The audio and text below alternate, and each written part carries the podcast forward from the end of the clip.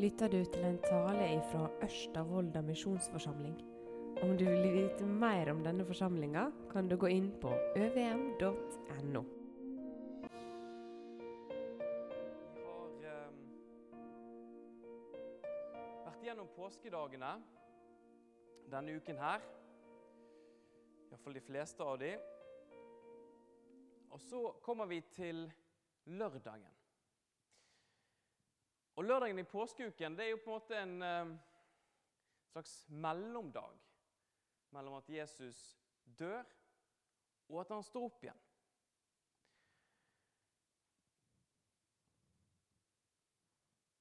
Og selv om Jesus ikke er stått opp igjen ennå denne uken, selv om det skjer i morgen,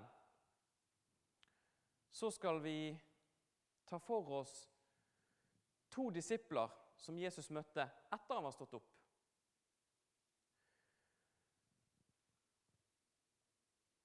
Men i disse disiplene sitt perspektiv så var ikke Jesus stått opp.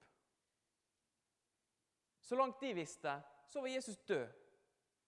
Så var alt håp ute. Han som de hadde satset alt på, han hadde tapt, virket det som. Tatt til fange, dømt til døden. Og de kunne ikke lenger følge han, trodde de. Det er to eh, disipler som vi møter i Lukas kapittel 24, og fra vers 13. Og Vi tar og leser en god del av den teksten. Lukas 24, og fra vers 13. Og se, to av dem var samme dag på vei til en by som heter Emmaus, og ligger 60 stadier fra Jerusalem. Og de talte med hverandre om alt dette som var skjedd. Og det skjedde mens de samtalte og drøftet dette. Kom Jesus selv nær til dem og slo følge med dem. Men øynene deres ble holdt igjen, så de ikke kjente ham. Han sa til dem, 'Hva er det dere går og samtaler om på veien?' De sto da stille og så bedrøvet opp. Den ene av dem, som het Kleopas, sa til ham, 'Er du den eneste av dem som oppholder seg i Jerusalem, som ikke vet hva som har skjedd der i disse dager?' Han sa da til dem, 'Hva da?' De sa til ham, 'Det med Jesus fra Nasaret, en mann som var en profet, mektig i gjerning og ord for Gud og hele folket.' Og hvordan våre ypperste prester og rådsherrer overga ham til dødsdom og korsfestet ham. Men vi håpet at han var den som skulle forløse Israel. Og nå er det alt tredje dagen siden disse tingene skjedde. Men så har også noen av våre kvinner forferdet oss. Tidlig i dag morges var de ute ved graven, men de fant ikke hans legeme. Så kom de og fortalte at de hadde sett et syn av engler som sa at han lever. Noen av dem som var med oss, gikk da til graven. De fant det slik som kvinnene hadde sagt, men ham så de ikke. En merkverdig fortelling som egentlig virker helt merkelig. To disipler som er på vei til Emmaus, og som går i sorg, som går i fortvilelse. Og så kommer Jesus sjøl og går sammen med dem. Og skulle tro at de da ble glad. Men de kjenner han ikke igjen. Selv om de absolutt burde kanskje gjort det. Når de hadde gått sammen med han, de kjente han, de hadde snakket med han, de hadde sett undrene hans. Men det står at øynene deres var lukket. De kjente han rett og slett ikke igjen. Men Jesus han kommer midt inn i sorgen deres. Han kommer og møter dem der de er. Og Så stiller han spørsmål som, som han egentlig vet veldig godt svaret på sjøl. Men han kommer dem i møte midt i sorgen. Og Nå vet jeg ikke hvor mye denne teksten egentlig sier om det. Men jeg tror det er veldig beskrivende for hvordan det kristne livet kan kjennes ut noen ganger.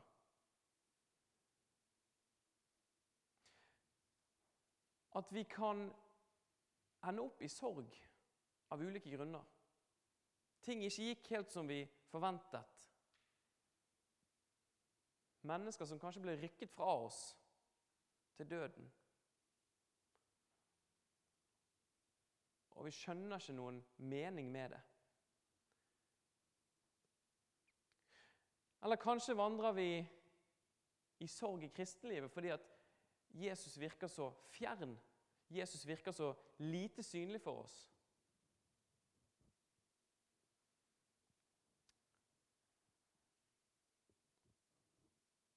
Og Så kan kanskje denne teksten virke som en påminner for oss da. At Jesus faktisk går sammen med oss midt i det. Og han møter oss midt i sorgen, selv om vi ikke alltid ser det. Selv om vi ikke alltid ser han eller føler det sånn. Ja, så møter han deg der. Sånn som han møtte disse disiplene. Og tok sorgen deres på alvor, egentlig.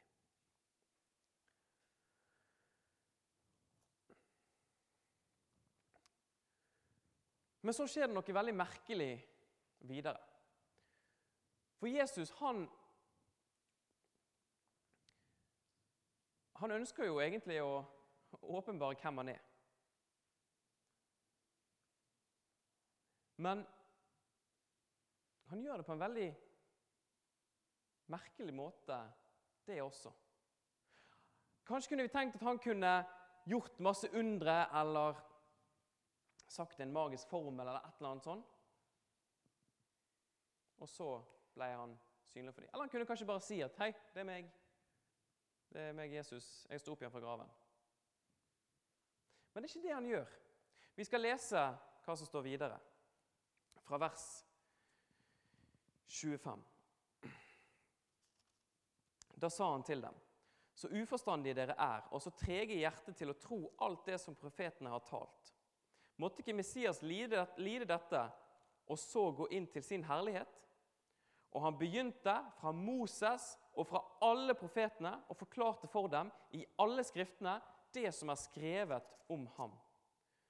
Da de nærmet seg landsbyen som de var på vei til, lot han som om han ville gå videre. Men de nødde ham og sa, 'Bli hos oss, for det lir mot kveld, og dagen heller.' Han gikk da inn for å bli hos dem. Og det skjedde da han satt til bords med dem. Da tok han brødet, ba velsignelsesbønnen og brøt det og ga dem. Da ble øynene deres åpnet, og de kjente ham. Så ble han usynlig for dem. Og de sa til hverandre, brant ikke vårt hjerte i oss da han talte til oss på veien og åpnet Skriftene for oss? Så her ser vi altså at Jesus han begynner å legge ut fra Guds ord. Han legger ut fra Det gamle testamentet alt det som peker fram mot han. Alt det som var lovet av denne Messias som skulle komme, som skulle befri folket. Han bruker sitt eget ord, egentlig, for å vise hvem han er. Og det er merkverdig. For hva er det med Guds ord? Hva er det som er spesielt med det?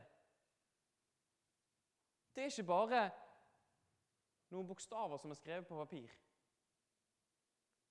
Nei, vi kan se tilbake i skapelsen, f.eks. Hvordan er det Gud skaper? Vet han sepper rundt omkring og, eller virvler opp noen greier? Nei, han bruker ord. Han sier 'la det bli lys', og det blei lys. Hans ord er et skapende ord. Og det er egentlig noe vi trenger for å i det hele tatt leve. Og det er noe vi trenger for å kunne komme til tro på Han. For å kunne se hvem Han er. Akkurat som disse disiplene her. Øynene deres var lukket. Jesus var skjult for dem. Frem til Jesus begynte å legge ut skriftene om han.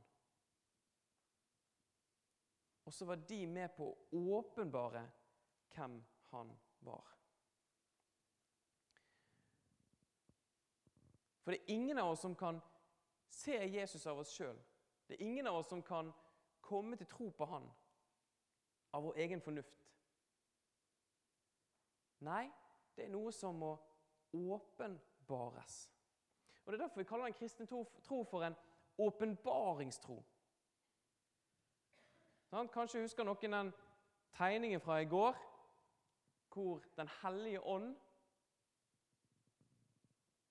virker inn i våre liv og vitner om det som skjedde på korset. Og så vil han bruke da Guds ord for å vise det for deg.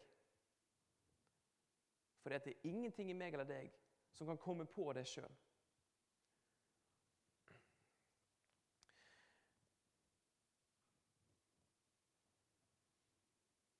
For ordet om korset, det er en dårskap for dem som går fortapt.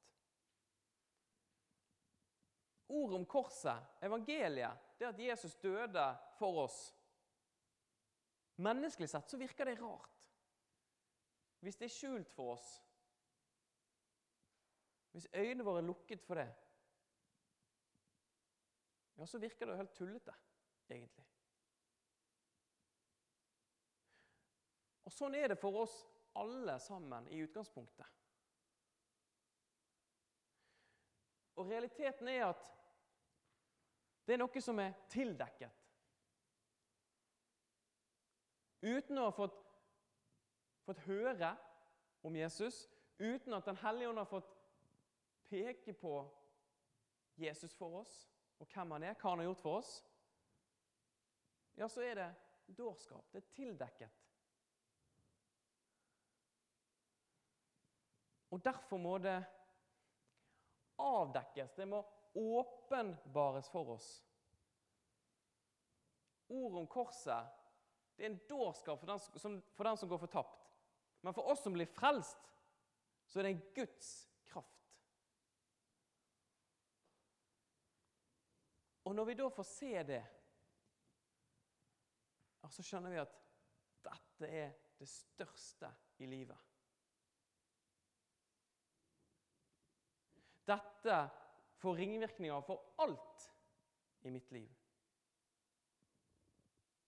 Det er ikke bare noe hobby. Det er ikke bare noe som jeg holder på med en gang i uken og går på møte. Nei, det blir altomfattende for livet. Og vi er nødt å få det åpenbart. Det er nødt til å være Han som viser oss det. Akkurat som med disse disiplene som ikke kjente Jesus igjen først.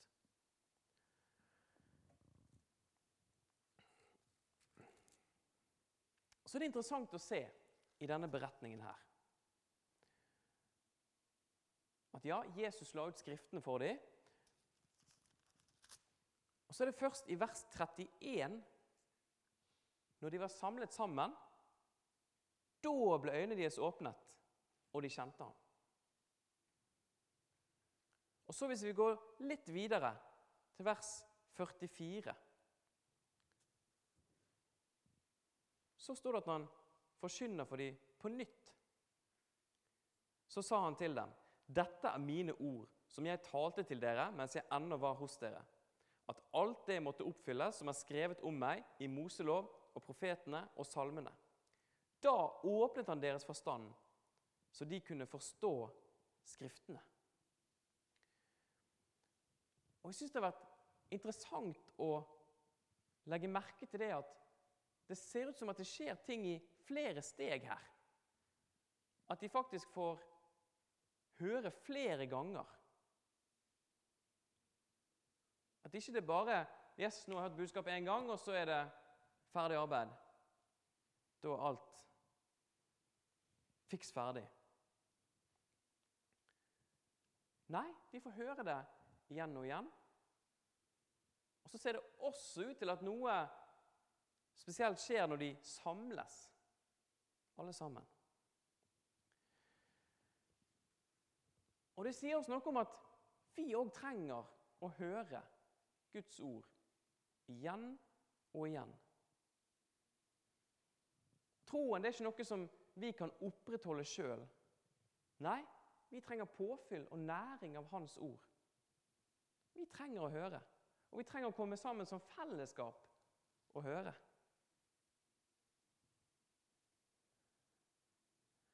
Og noen ganger, kanskje ofte, så kan det oppleves tørt. Man kan lett tenke at 'ja, jeg har hørt det før', og vet hva som kommer. og Nesten ta det litt som en selvfølge. Og Kanskje noen ganger så virker det ikke som at Gud gjør noe i livet. Ja, jeg går nå, jeg går nå på møte og til fellesskap og hører Guds ord, men det, virker ikke som at han gjør så mye. Og Da har jeg lyst til å fritt sitere en sm som en gang hadde et fint bilde på det å høre Guds ord når det også oppleves tørt. Og Da kan du se for deg at du samler tørre vedkubber. Én og én. Vedkubber er kanskje ikke så spennende i seg sjøl. Det, det, er ganske tørr og ja, ikke så veldig spennende. Men du samler én og én. Og når du har samlet en god del kubber, så kan plutselig en dag Den hellige ånd sette det i brann. Sånn at når vi sjøl kanskje tenker at det føles tørt, når vi kanskje sjøl tenker at ah, dette har ikke noe nytte, og det virker ikke som Gud gjør noe i livet mitt, ja, så kan Gud virkelig bruke det. altså. Han kan virke ved sitt ord, også når vi ikke alltid kanskje føler det eller merker det. Tørre kubber er ikke alltid så gøy og spennende, men de er nødvendige. Vi trenger det. Vi trenger å komme sammen. Kristeliv er ikke et sololiv. Det ser vi på disiplene her, det ser vi gjennom hele Bibelen. Og jeg syns det er så interessant at en del av åpenbaringen her av Jesus skjer når de møter sammen, og når de bryter brød sammen.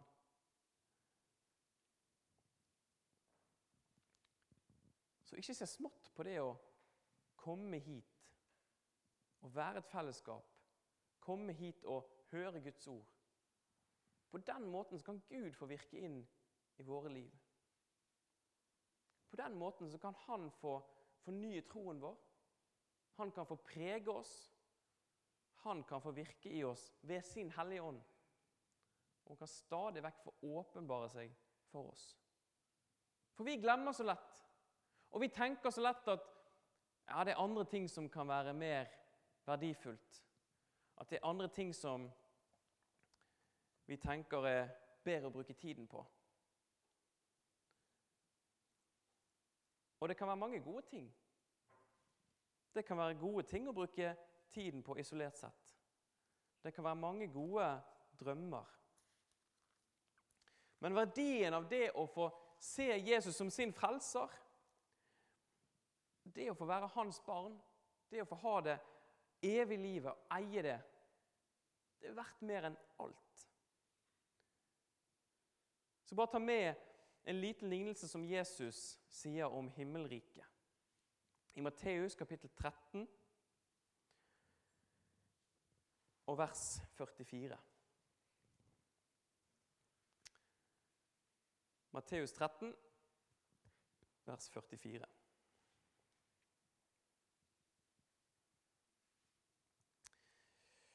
Himlenes rike er likt en skatt som var skjult i en åker. En mann fant den og gjemte den igjen. I sin glede gikk han så bort og solgte alt han eide, og kjøpte åkeren. Sant? Denne skatten den var opprinnelig skjult. Den var skjult i en åker. Men så når en mann fant den og så hvor stor skatt det var, når han fikk det åpenbart, ja, så gikk han bort og solgte alt han eide for å få denne åkeren. Fordi det var mer verdt enn alt annet her i livet.